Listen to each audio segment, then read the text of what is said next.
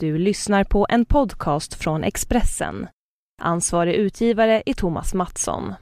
Fler poddar hittar du på expressen.se podcast och på iTunes.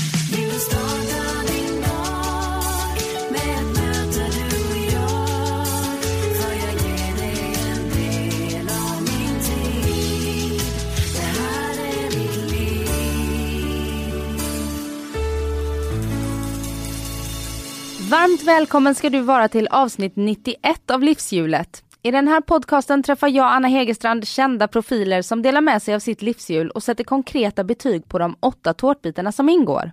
Så som de känns just här och nu.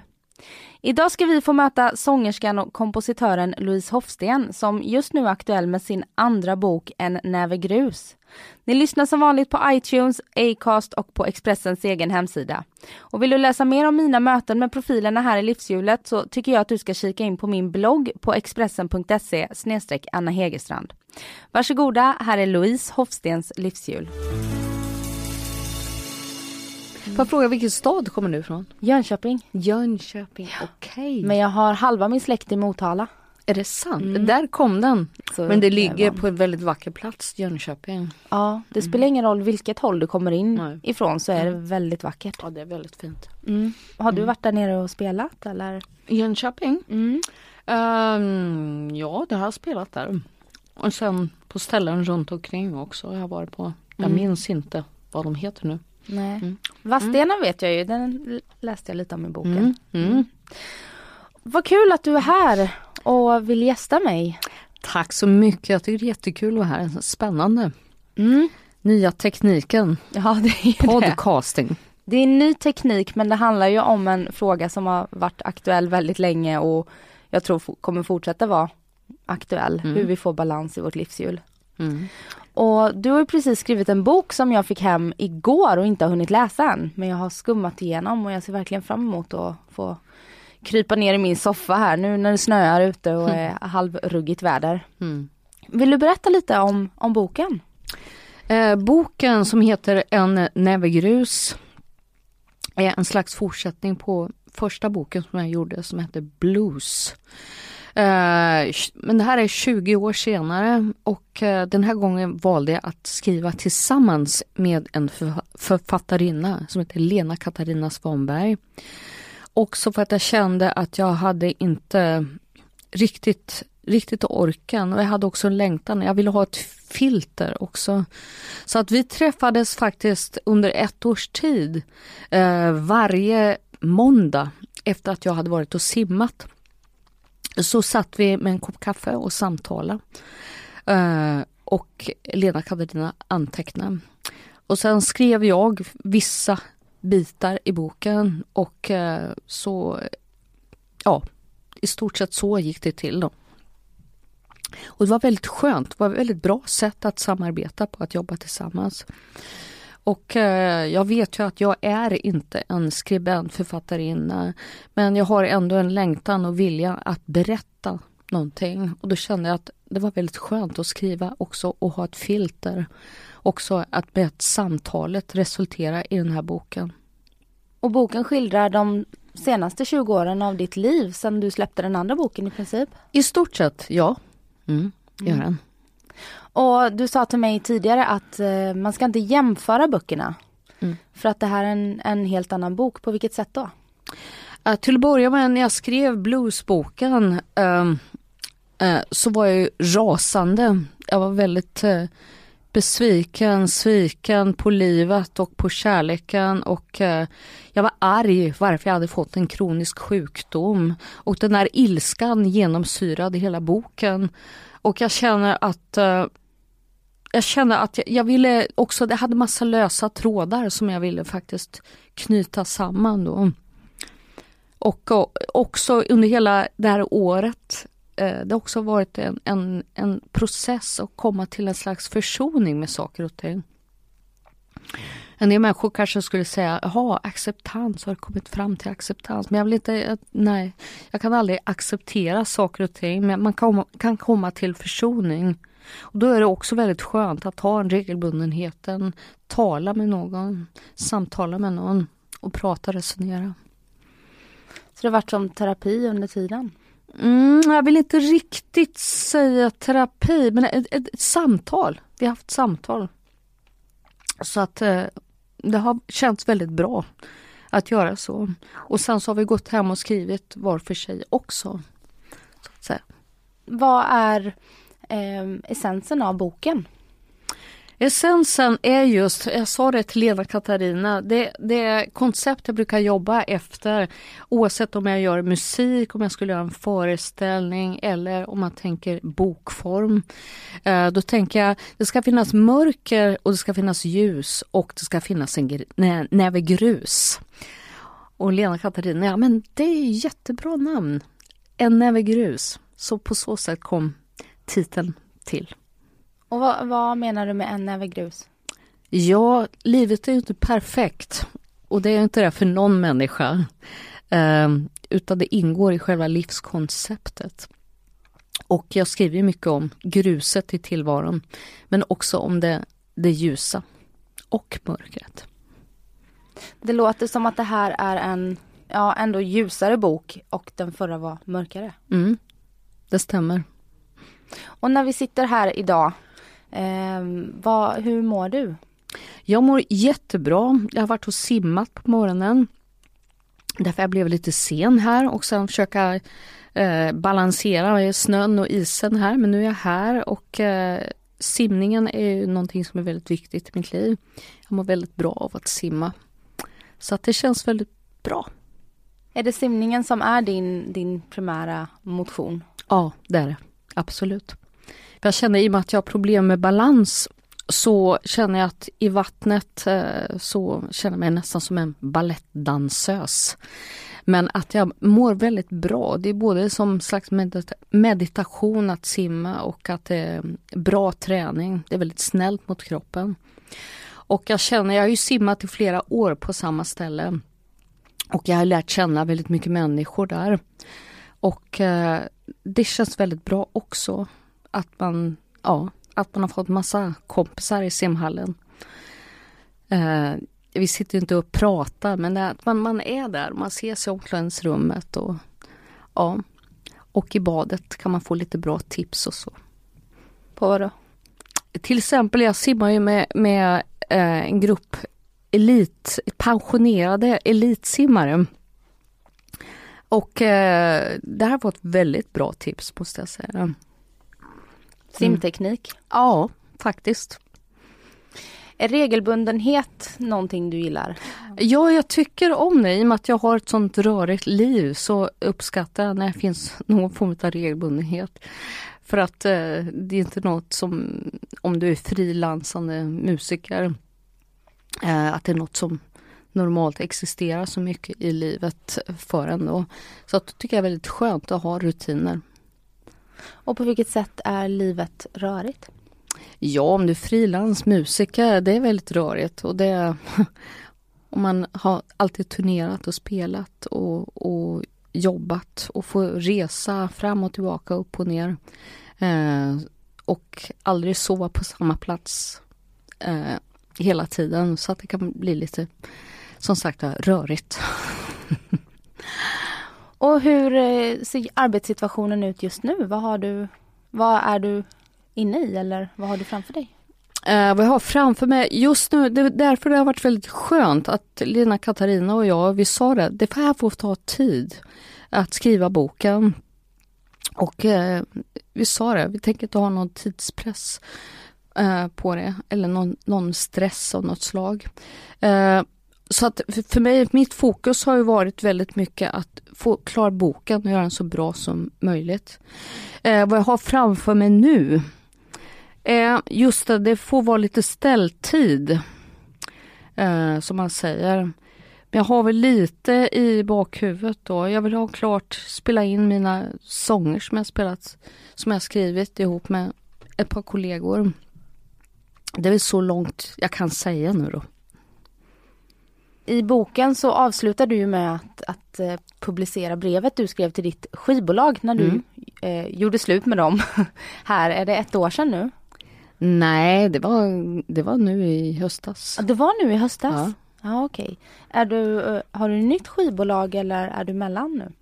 Jag har inget nytt skivbolag utan jag känner att jag bekymrar mig inte så mycket om det. Utan just nu så är fokus på eh, min hälsa helt enkelt. Och eh, bröt jag handleden också nu under hösten. Så att det har varit väldigt mycket ge tid till att kunna läka det.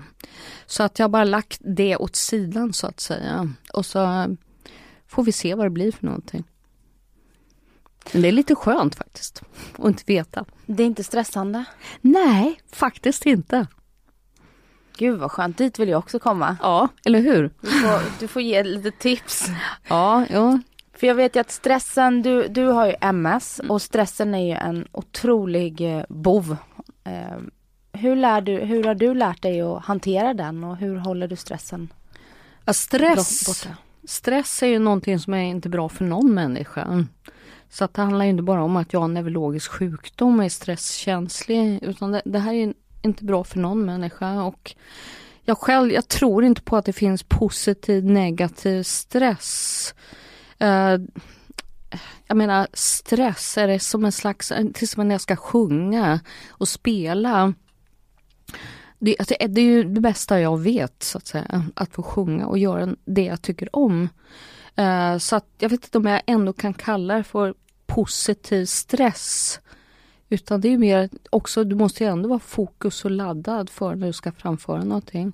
Och negativ stress, ja alla människor mår dåligt där Och sen så är det väl beroende på vad man har för känslighet. Eh, hur din hälsa ser ut. Hur du kan reagera på för mycket stress. Men som sagt var, inga människor tycker om, tycker, mår bra av stress. Nej. Och också när man är ute så här mycket, eh, också man är frilansande musikant, eh, Eh, så innebär det också att du är väldigt utsatt för infektioner. Eh, och i mitt fall, eh, jag har ju skov, skov, min MS kommer i skov då. Så fort en infektion jag blir drabbad av det så, så kan det oftast resultera i att jag får ett skov. Och vad innebär det att få ett skov? Ja, för mig eh, har det inneburit så allt från syn, eh, problem med synen, jag har problem att eh, gå med balansen, jag har svårt att, eh, ja, att vissa delar av kroppen bara lägger av liksom. Okay. Och sen den här tröttheten. Som inte späs på, eller som späs på av att vi bor i ett mörkt, kallt mm -hmm. land. Mm -hmm.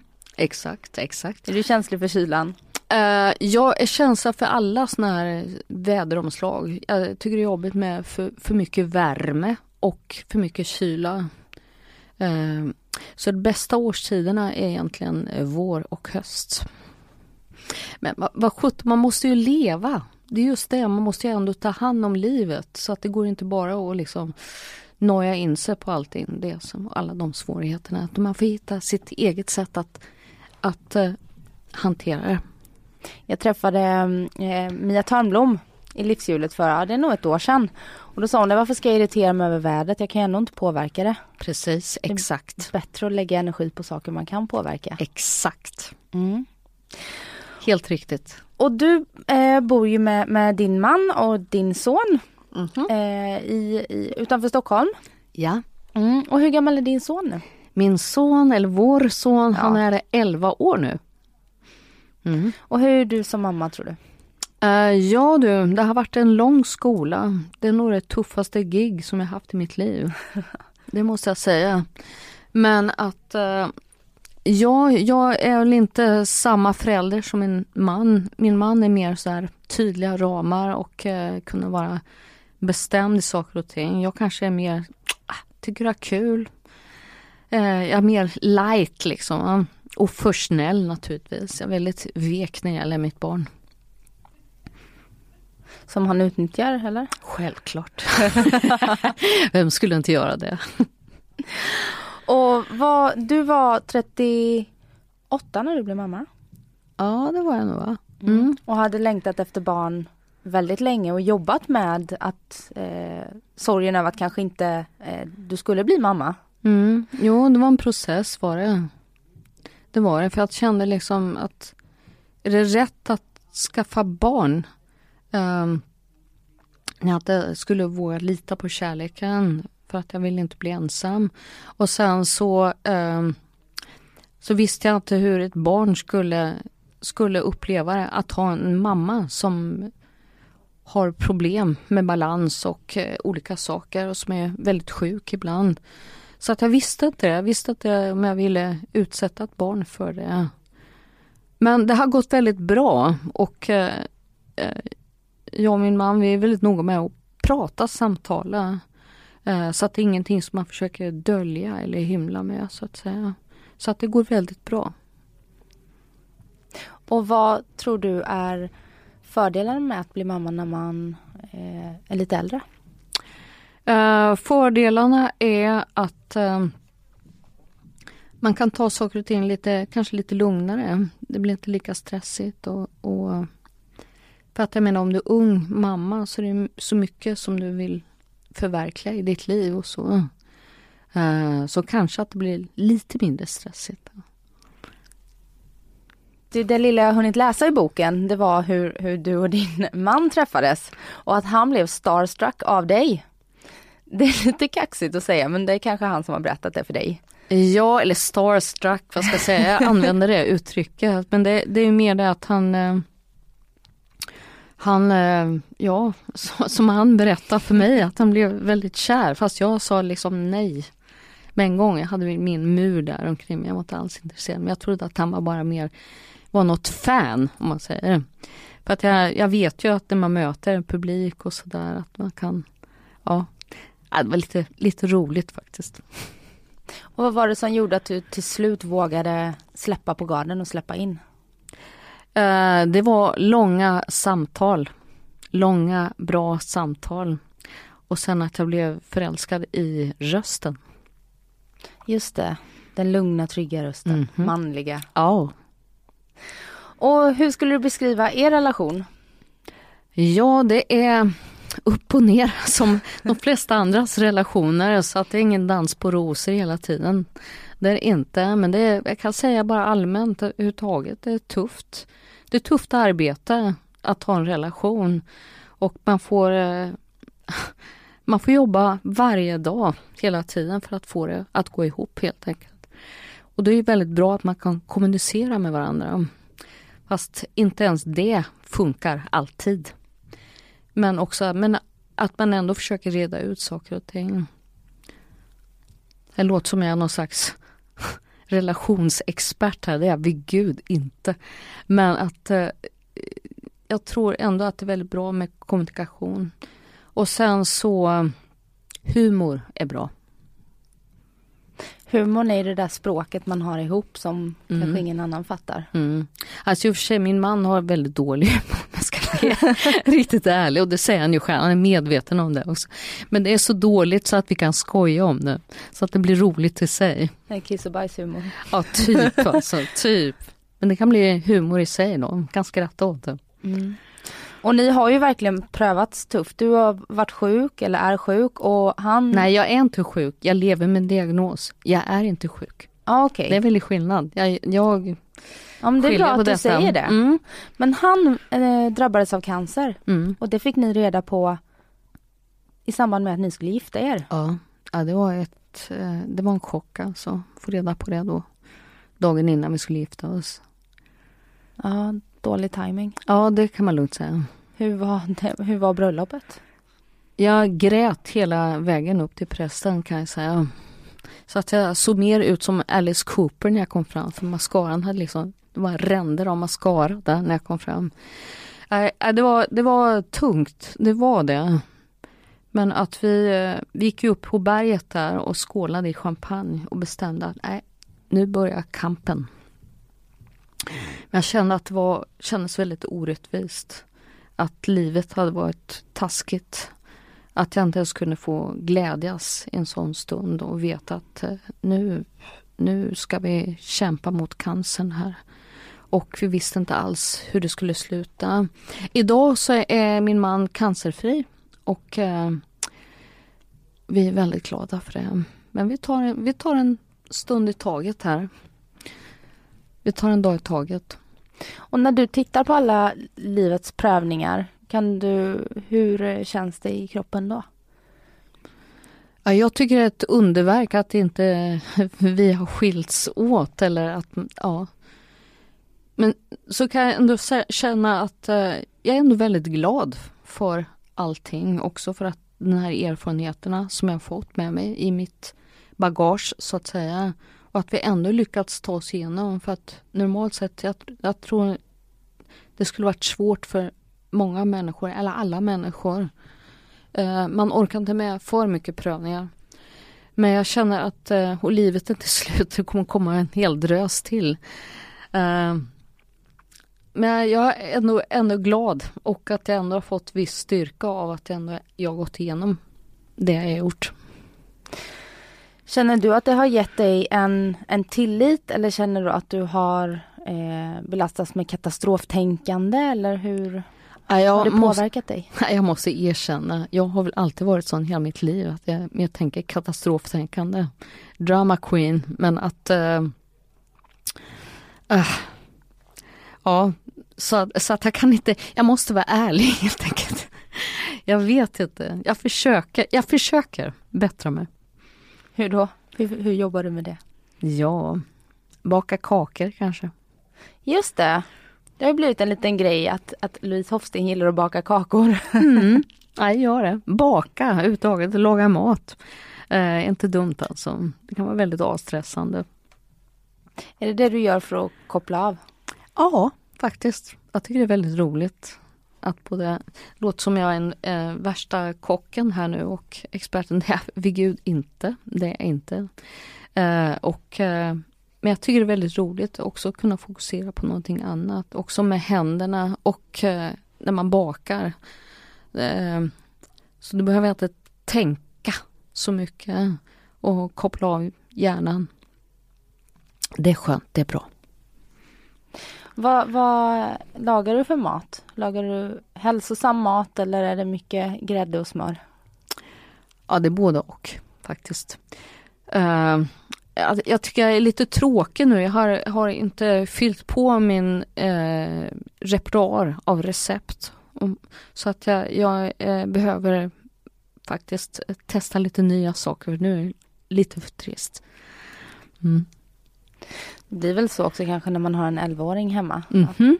Korv stroganoff och spagetti Japp, japp, så är det. Och eh, till familjen och, och det här nätverket man har runt omkring sig hör ju vännerna också. Mm. Hur ser dina vänskapsrelationer ut? Uh, vi har väldigt bra vänner. Vi har en stor vänskapskrets måste jag säga. Och uh, uh, tyvärr så har, ja, så är det alltid så brist på tid kunna umgås och så. Men vi, vi försöker i alla fall. Och, för vi, vi har väldigt mycket fina vänner. Mm. Och det är väldigt kul också för jag känner att åh, nu ska vi fira jul också, alla sådana högtider. Att åh, då måste man fixa och laga mat och greja allting. Liksom. Massa rätter och sånt. Men jag kände att nu dagen innan julafton, jag hade bjudit upp hela min eh, östgöta familj till Stockholm. Och dagen innan och vi lagade mat tillsammans. Och det var väldigt skönt och väldigt avkopplande, roligt och avstressande. Så att man inte kände att man behövde göra allting själv. Utan då kunde vi hjälpas åt. Ofta är det ju sina egna krav, mm. alltså kraven på sig själv. Mm. Och det är ju ändå en, en tid för gemenskap som ska vara i fokus. Ja, men därför var det så bra att kunna laga mat själv, äh, tillsammans. Så det var jätteskönt. Kunde dela upp det liksom. Mm. Och eh, du nämnde innan att du eh, vill ge ut dina låtar. Mm. Eh, att du, håller du på att spela in dem? Jag har hållit på att skriva dem. Men att det är lite oklart hur vi ska kunna finansiera och spela in låtarna. Men det kommer att ordna sig på något vis. Mm. Mm. Och vad har du för, du har ju gjort så otroligt mycket eh, under alla dina år i, sen du slog igenom, var det 93 med Rhythm and Blonde? Mm. Och så hade du jobbat innan dess. Mm. Eh, vad känner du att du har kvar att göra? Vad... Ja, det är klart att det, det finns ju jättemycket som jag vill göra. Men jag är sådär att jag tycker inte om att prata om det innan. För då vet jag varje gång jag har pratat om saker innan så har det gått åt helvete. Så därför säger jag ingenting om det. Oj! Spännande. Vi får väl se då. Ja precis, man får se vad det blir. Mm. Mm. Men nu så är det i alla fall att skriva på de här låtarna som är eh, i fokus Mm. arbetsmässigt. Ja. Och sen så, eh, så var jag faktiskt med om något väldigt roligt som hände mig. Jag fick ett eh, väldigt trevligt samtal av en sångkollega som heter Meja. Ja. Och hon ringde upp mig och berättade om en sak som hon hade varit med om. Eller varit med om. Hon hade läst i eh, Amnesty International-tidningen eh, om ett livsöde. Och eh, det tog henne så starkt att hon ville skriva en låt om detta. Eh, vilket hon gjorde. Och sen hade hon tankar på att hon skulle vilja göra någonting tillsammans med mig. Eh, och andra musiker, människor då, eller människa, eller ja, det är inte klart ännu. Men att vi kommer att ge oss ut och spela sen i vår. Och det tyckte jag var väldigt roligt. Så det är någonting som jag, det kan jag prata om. Ja. Eh, se fram emot. Och sen också att jag och Meja, en, en eh, tjejkollega, att vi kan ge oss ut tillsammans. På mindre ställen. Och sen eh, sjunga våra låtar och prata och berätta. Som en liten eh, show. Ja, det blir inte eller? så mycket show utan det blir mer fokus på prat om låtarna och texter och så. Mötet med publiken och möte mellan oss. Så att det är lite roligt. Jag vet inte vad man ska kalla det eh, konceptet för. Det är inte show, det är inte eh, krogshow, det är inte föreställning, det är inget typ vanligt gig om man säger. Utan det är, ja, det är Meja och Louise helt enkelt. Kanske är något nytt som inte behöver ha ett namn. Precis, exakt. Och sen efter sommaren, tre dagar efter att jag fyller 33 så fyller du 50. Jajamän. Mm, 6 september. Mhm, vilken koll! Ja. Ja. Har du några planer på hur du skulle vilja fira eh, din dag? Eh, uh, ja, det, det där har jag faktiskt lite, haft lite ångest för. Liksom. Fasen ska jag fira liksom, min 50-årsdag? Uh, eh, som jag ser det nu så uh, jag är sån här person som vill resa bort någonstans. Jag kanske tar familjen på någon resa, kanske. Allt är kanske just nu. Eller också får det bli fika i Gröna huset helt enkelt. Öppet hus. Du är ingen sån där som, tror, eh, som trivs i att vara mittpunkt på en jättestor fest. Nej, jag tycker det är lite jobbigt. Jag blir stressad eh, av det. Så att jag skulle hellre vilja, nej, kanske öppet hus, fika, inget, inget stort eh, halabaloo. Har du några andra eh, känslor inför att passera 50-årsgränsen?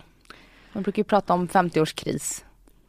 Ja, kris. Som sagt var, jag har gått igenom kriser hela mitt liv, så jag vet inte.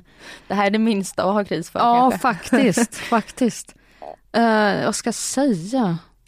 Ja, det, jag kan säga allmänt, det är klart att det är jobbigt att bli äldre. Och sen att livet har ett slut. Det var någonting som jag blev mer medveten om när min pappa dog. För man tror att sina föräldrar ska finnas för evigt. Och sen när pappa gick bort, då kände jag att nej, livet har ett slut. Livet kommer att ha ett slut. Och jag kände, ja, nu gäller det att ta tillvara på det. Också det har gjort också att jag frågar mig själv eh, ofta eh, vad jag vill och hur mitt liv ser ut. Jag gör lite eh, värdering på hur det ser ut. Det var det jag också kände med att varför jag bröt med skivbolaget. Det var ingen schism eller någonting sånt utan jag kände bara att eh, jag mår inte bra i stressiga miljöer. Hur ska jag eh, göra nu med mitt liv? Jag menar, jag älskar att sjunga, jag tycker om att vara kreativ. Eh, men hur ska jag kunna vara och verka i en sån miljö? Eh, vad mår jag dåligt av? Vad mår jag bra av? Var är energitjuvarna i mitt liv? Eh, så det var en sån omvärdering som jag gjorde och eh, jag kände att i den världen eh, som jag befann mig i, att det, det, jag trivdes inte, jag mådde inte bra där. Eh, och jag kände, mådde dåligt utav pressen och stressen. Så att då kände jag att det var bättre att, att våga bryta och sen ändå ha tillit till att det kommer ordna sig. Men det var då Meja ringde. så därför blev jag så himla glad för ett samtal från henne som var full med energi och så. Så jag ser verkligen fram emot att få åka ut och spela ihop med henne. Det låter som du är väldigt bra på att reflektera över ditt liv och, och ta vara på dagen. Ja, bra vet jag inte, men jag, jag försöker i alla fall. Jag försöker. Det går bättre och bättre kan jag säga. Är det någonting som kommer med åren? Ja, det kanske är det. Det är väl det som är fördelen med att gå mot G50. Det finns hopp alltså? Ja. Ah, ah. Och jag tänker att vi ska eh, värdera de här olika delarna i livet genom att sätta konkreta betyg på dem. Mm. Och mm, det är ju åtta delar i livet som vi mår. Vi mår ju bra om vi har allt i balans. Mm. Vilket ja. också är väldigt svårt. Men jag tänkte vi ska se hur det ser ut lite. Mm. Så då börjar vi med kärlek och kärleksrelationen i ditt liv. Mm. Um, vad, vad, vad är betygsskalan? Är det 1 till 5 eller 1 till 10? 10. Mm. Ja. Kärleksskalan är 10. Mm. Och det jag kan ju tillägga att det är just nu här idag. Det kan mm. ju se annorlunda ut om en vecka eller om en månad. Oh ja. mm. Men just idag. Och vad baserar du det, den fullpotten på? Därför att vi har gått igenom så mycket och sen att om man tänker att vi har levt ett helt liv tillsammans och det har inte varit någon dans på rosor men det har också varit det kanske som stärker saker och ting. Eh, tror jag. Jag vill tro det. Och familj och vänner? Familj och vänner, ja det är tio där också. Du ser, jag har ett rikt liv. Ja, verkligen. familj och vänner, absolut. Tio. Ja. Mm. Och du sa innan att det kan vara tiden som tryter ibland. Mm. Eh, men du känner ändå att du får tillräckligt med tid för dem, dina nära och kära? ja, ja kanske, kanske lite mindre än tio då. Ska vi säga nio där då? Bara för att det är tidsbrist. De flesta brukar sänka betyget när jag påminner ja, om precis. tiden. För, på något konstigt sätt så prioriterar man alltid ner vännerna. Ja. Men en nia, det är, det är inget dåligt betyg. Nej, det är inte det. Okej. Okay. Och bostadssituation? Bostadssituation säger jag också 10. Vi bor i vårt gröna hus och det känns, vi trivs jätte, jättebra. Vi bor i Enskede gård och eh, nu har Enskede gård fått ett eget bageri, surdegsbageri och ett fik där som är, har verkligen höjt mysfaktorn där på området där vi bor. Vi har jättebra grannar. Och ehm, eh, sonen har lekkamrater. Så att eh, det, nej, vi trivs jättebra. Hur många år har du bott i Stockholm? Jag har bott i Stockholm permanent sedan jag var 25 och innan dess så pendlade jag mycket till Stockholm. Jag måste säga att jag stortrivs här och att eh, jag tycker om Stockholm väldigt mycket. Och Linköping då? Ja, Linköping, det är ju rötterna. Det är klart att eh, det betyder något speciellt. Men att när jag frågar min man om vi inte ska flytta tillbaks till Linköping så säger han aldrig i livet. Aldrig. Är han från Stockholm? Mm, ja, han är född i Stockholm. Mm. Så han svarar, jag följer var som helst men inte till Linköping säger han. Men att eh, jag vet inte, vi kanske skaffar en sommarhus i Linköping någon gång i framtiden. Har du, har du kvar vänner eller familj där? Jag har massa vänner där och min storebror och hans familj är där och min mamma. Det är de som är... Och släktingar. Och det är ju inte jättelångt att åka heller. Nej det är inte det. Det går jättefort att ta sig till Linköping. Men jag måste säga att sen jag flyttade till Stockholm så, så kan jag mer se hur vacker eh, Östergötland är. Än nu när man kommer på besök, när man åker på besök och hälsar på. Då kan man se att det är ganska fint där, måste jag säga. Och jag känner ändå att en gång östgöte, alltid östgöte. Även om jag bor i Stockholm så, så blir jag aldrig stockholmare om man säger. Jag är östgöte. Dialekten sitter i? Ja, de säger det. Jag trodde att jag hade filat bort den där, men min man säger att det har jag inte gjort. Nej. Och det ser inte du heller. Nej. Nej. vi ska vara stolta över våra dialekter. Jag tycker Ja. det är kul. Ja. Vi är ju en minoritet här höll jag på att säga, men det är så många inflyttare så att. Mm, oh ja.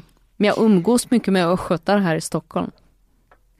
Och du har ju varit fram och tillbaka i USA också. Mm. Ett par gånger. Mm. Eh, Skulle du vilja bo utomlands eller har du gett upp den drömmen? Nej, jag vill faktiskt inte bo utomlands. Jag, läng- ja, den, den drömmen är ingen riktig dröm längre på det sättet. Eh, det går att prata mycket om det, men jag känner, jag har ju en stora syster som bor i USA. Enda skulle vara att eh, jag försöker få henne att flytta tillbaka till Sverige, men det är svårt. Det är svårt alltså. Är du över och hälsa på? Det gör jag absolut. Och jobb och karriär just nu? Jobb och karriär, vad ska jag säga om det? Hmm. Jag tycker nog just nu så känns det ganska bra. Jag, inte, jag, jag, är nog beredd att säga 10, 9, 10 vill jag säga. För att? Därför att eh, jag ska släppa min nya bok. Och det har varit ett års arbete och är väldigt glad för att den kommer ut nu. Ehm, och jag känner ändå att jag har tillräckligt mycket med jobb och saker framför mig så att jag kan, ändå kan känna mig lugn. Och ekonomi? Ekonomi. Mm. Ja, vad ska jag säga om det? Nej, men jag får nog säga 10 där också. Det är ingenting som bekymrar mig. Det är klart att det, man kan alltid liksom tycka att äh, fasen, kan tjäna lite mer pengar. Men jag, nej, jag tycker att eh, det är jättebra. Och vad köper du för dina pengar? Vad jag köper? Har du någon så här ehm, last eller du vet så här? att Jag du- lägger faktiskt eh, mina pengar på min familj först och främst. Eh, sen så kanske jag betalar lite för mycket för att köpa god mat. Och saker och ting som jag tycker, mm, det här är gott, det här vill jag ha. Eh, mm. Och så Eh. kanske lite för mycket pengar på kläder. Mhm. Kanske, ibland. Är det för mycket kläder eller för dyra kläder då du menar? Nej, nej, jag är, jag är ingen slösa så riktigt. Utan det, det jag ty, tycker det är kul. Jag tycker det är roligt och eh, ja, det är både och. Både billigt och dyrt. Är du duktig på att spara också? Ja, jag är duktig på att spara. Vi sitter ju här just den här veckan nu när vi spelar in. Det är ju Mm. årets fattigaste vecka. Mhm, Veckan innan lön i januari. mm. Jul och allt sånt där kostar så mycket pengar. Jag är faktiskt duktig på att spara och jag, jag har ju fått eh, bästa ekonomilektionen av min pappa när han levde. Han förklarar för mig, eller för oss barn, att eh, ska du åka buss, bussen kostar 3 kronor och du har bara 2,50, då får du gå, sa han. Och den där lektionen den sitter kvar ännu och är med mig ständigt. Så jag känner bara det att om jag inte har råd med någonting, ja då får jag gå. Du gillar inte sms-lån med andra ord? Nej, nej det gör jag inte. Nej, Nej. det låter bra. Mm. Hälsa, kost och motion. Oh, det är verkligen prioritet. Visst, jag är inte så jätterörlig nu för tiden. Men jag är väldigt, och det, det har jag alltid varit mån om hela mitt liv. Eh, hälsa och kost och motion. Jag har verkligen tagit hand om mig i alla situationer oavsett hur, hur mitt liv ser ut. Om jag har svårt att springa, jag tyckte om att springa förut. Nu kan inte jag springa längre men då kan jag simma som sagt då. Eh, det känns väldigt viktigt. Jag är väldigt mån om också vad jag stoppar i mig. Jag, eh, jag avskyr tobak och sådant. Eh, det har jag alltid gjort. Också sedan jag var väldigt ung. Så att jag jublar nu när det är förbjudet att, med rökning eh, på offentliga platser. Det är väldigt skönt. Man tänker ju annars att så här bluessångerska med en cigarett och ett glas rödvin. Ja, jag är så oblues när det gäller sånt där. Eh, och eh, musiker som jag spelar med, jag menar, de skrattar ju åt mig för de vet att jag är väldigt där, hälsosam och ordentlig. Att jag är ingen blues-tjej på så sätt. Eh, det, det representerar mer att det är destruktivt och nej, det tycker jag inte om. Då. Du är ingen destruktiv person? Nej, jag är inte det. Jag är inte det. Jag vill ta hand om mig. Och vad får det för, för betyg då mellan 1 och 10? 10. Oj! Mm. Eller 9 kanske, jag har väl några laster. det har jag. Vilka är de då, blir jag nyfiken på. Socker och godis. Där är min last. Mm. Ja, du hade med dig en liten bytta här med torkad frukt och nötter. Mm. Precis. Det är ett bra substitut. Ja, det är Meja som faktiskt äh, påverkade. Hon sa det att äh, men nu hon har slutat med socker och godis och sånt. Då. Så tänkte jag att aha, jag kanske ska ha i alla fall en godisfri dag idag. Och tänkte jag ta med mig lite nötter och russin. Mm. Och fritid är den näst sista tårtbiten. Ja du, fritid. Vad är det? Säger Vad många. är det?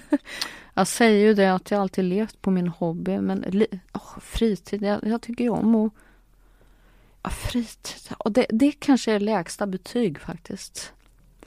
Uh, sju, åtta någonting. Jag, ska, jag skulle sätta på det. Är det, är det att du känner att du inte får så mycket fritid eller att du har in, inte har så mycket fritidsintressen eller kvaliteten på fritiden? Nej, jag har inte så mycket tid för att göra sånt utan om jag har ork och tid då, då lägger jag det på andra saker istället. Men i och för sig eh, eh, vi tycker om att gå på teater till exempel. Och vi kanske tycker om att gå och se en utställning eller någonting sånt. Ja, men, ja, sju, men inte tillräckligt mycket tid att lägga ner på det. Nej. Hade du velat gå på mer kulturella, mm. förkovra dig mer kulturellt då? Alltid. Mm. Och personlig utveckling är den sista tårtbiten. Personlig utveckling. Ja, det är en livsprocess. Och jag vet inte. Ja du. Personlig utveckling. Ja, det är väl sju, åtta där också, skulle jag tro. Mm. Varför då? Ja, man kan ju alltid bli bättre. Saker och ting. Har du någon, någon sådär egenskap som du vill utveckla mer eller någonting du vill bli bättre på? Massor. Massor saker vill jag bli bättre på. Typ? Typ. Jag vill bli bättre på munspel till exempel. Jag vill bli bättre på... Jag skulle vilja, vilja lära mig spanska. Jag vill lära mig tala spanska. Eh, jag började på en kurs här nu i höstas. Men nu kunde jag inte gå eh, två sista gångerna på den. Kände jag, ah, jag skulle verkligen sitta, eh, jag skulle verkligen kunna jobba med det och lära mig spanska. Har du någonting hos dig själv som du känner hindrar dig i ditt liv som du tänker att du eh, som jag till exempel är väldigt lättstressad. Jag önskar att jag skulle kunna ta det lite mer cool och kanske inte bry mig så mycket om andra tycker. Det försöker jag jobba väldigt mycket på för jag upplever att det hindrar mig både i mitt jobb och privat. Mm. Har du något sånt? Ja, kanske mitt paniktänkande som jag kan hamna i ibland. Att jag får panik om någonting händer. Så, så det har jag lite att jobba med. Och vad tycker du om att, att gå i terapi och sådär? Har du gjort det? Ja, självklart. Eh, det är jättebra jättebra. Gå i en skola. Att lära känna sig själv lite bättre. Och eh, kunna bearbeta saker och ting. Det är det som är inne nu. Man ska ha en PT för kroppen och så mm. ska man ha en, en terapeut då. Ja. För det inre. Ja. Jo. Jo, men att... Eh, nej, jag har ingen PT, men jag har som sagt var mitt eh, simmarkort på simhallen. Så att det är en slags PT. Det låter som att du har eh, eh, förmågan att motivera dig att gå dit och göra det regelbundet. För oh. mig att ha en PT det är för att jag vet att han står där och väntar. Jag kan inte slippa liksom, för då får jag betala väldigt mycket pengar för, ja. för ingenting. Mm. Ja, så motivationen är det viktigaste för mig. Ja. Men det är viktigt att hitta när det gäller idrott och så, motion, att hitta någonting som man kan göra just regelbundet. För den här regelbundenheten är ju viktig, tror jag. Eh, i och med att eh, träning och sånt är ju färskvara så att du måste jobba hela tiden medvetet eller regelbundet så att säga.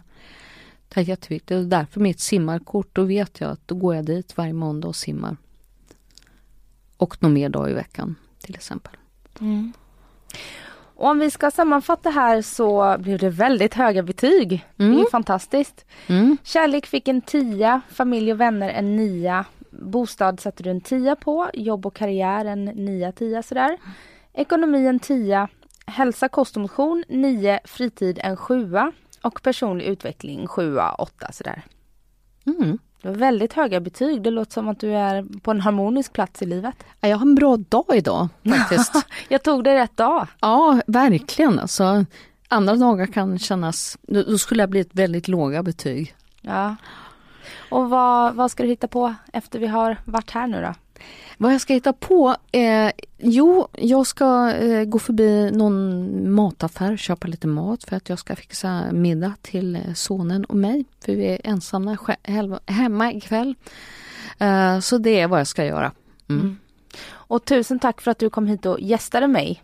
Tack snälla. Väldigt glad för. Och ha det så bra och lycka till med alla framtida projekt nu. tack så hemskt mycket. Vi lär väl få veta vad det, vad ja, det handlar om. Absolut. Ha det gott. Hej då. Tack du också. Hej.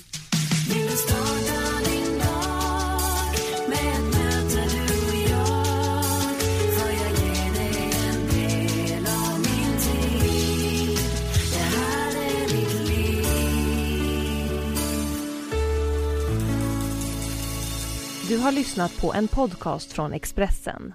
Ansvarig utgivare är Thomas Mattsson. Fler poddar hittar du på expressen.se podcast och på iTunes. Med Hedvigs hemförsäkring är du skyddad från golv till tak oavsett om det gäller större skador eller mindre olyckor. Digital försäkring med personlig service, smidig hjälp och alltid utan bindningstid. Skaffa Hedvig så hjälper vi dig att säga upp din gamla försäkring. Hedvig Hemförsäkring, ett klick bort.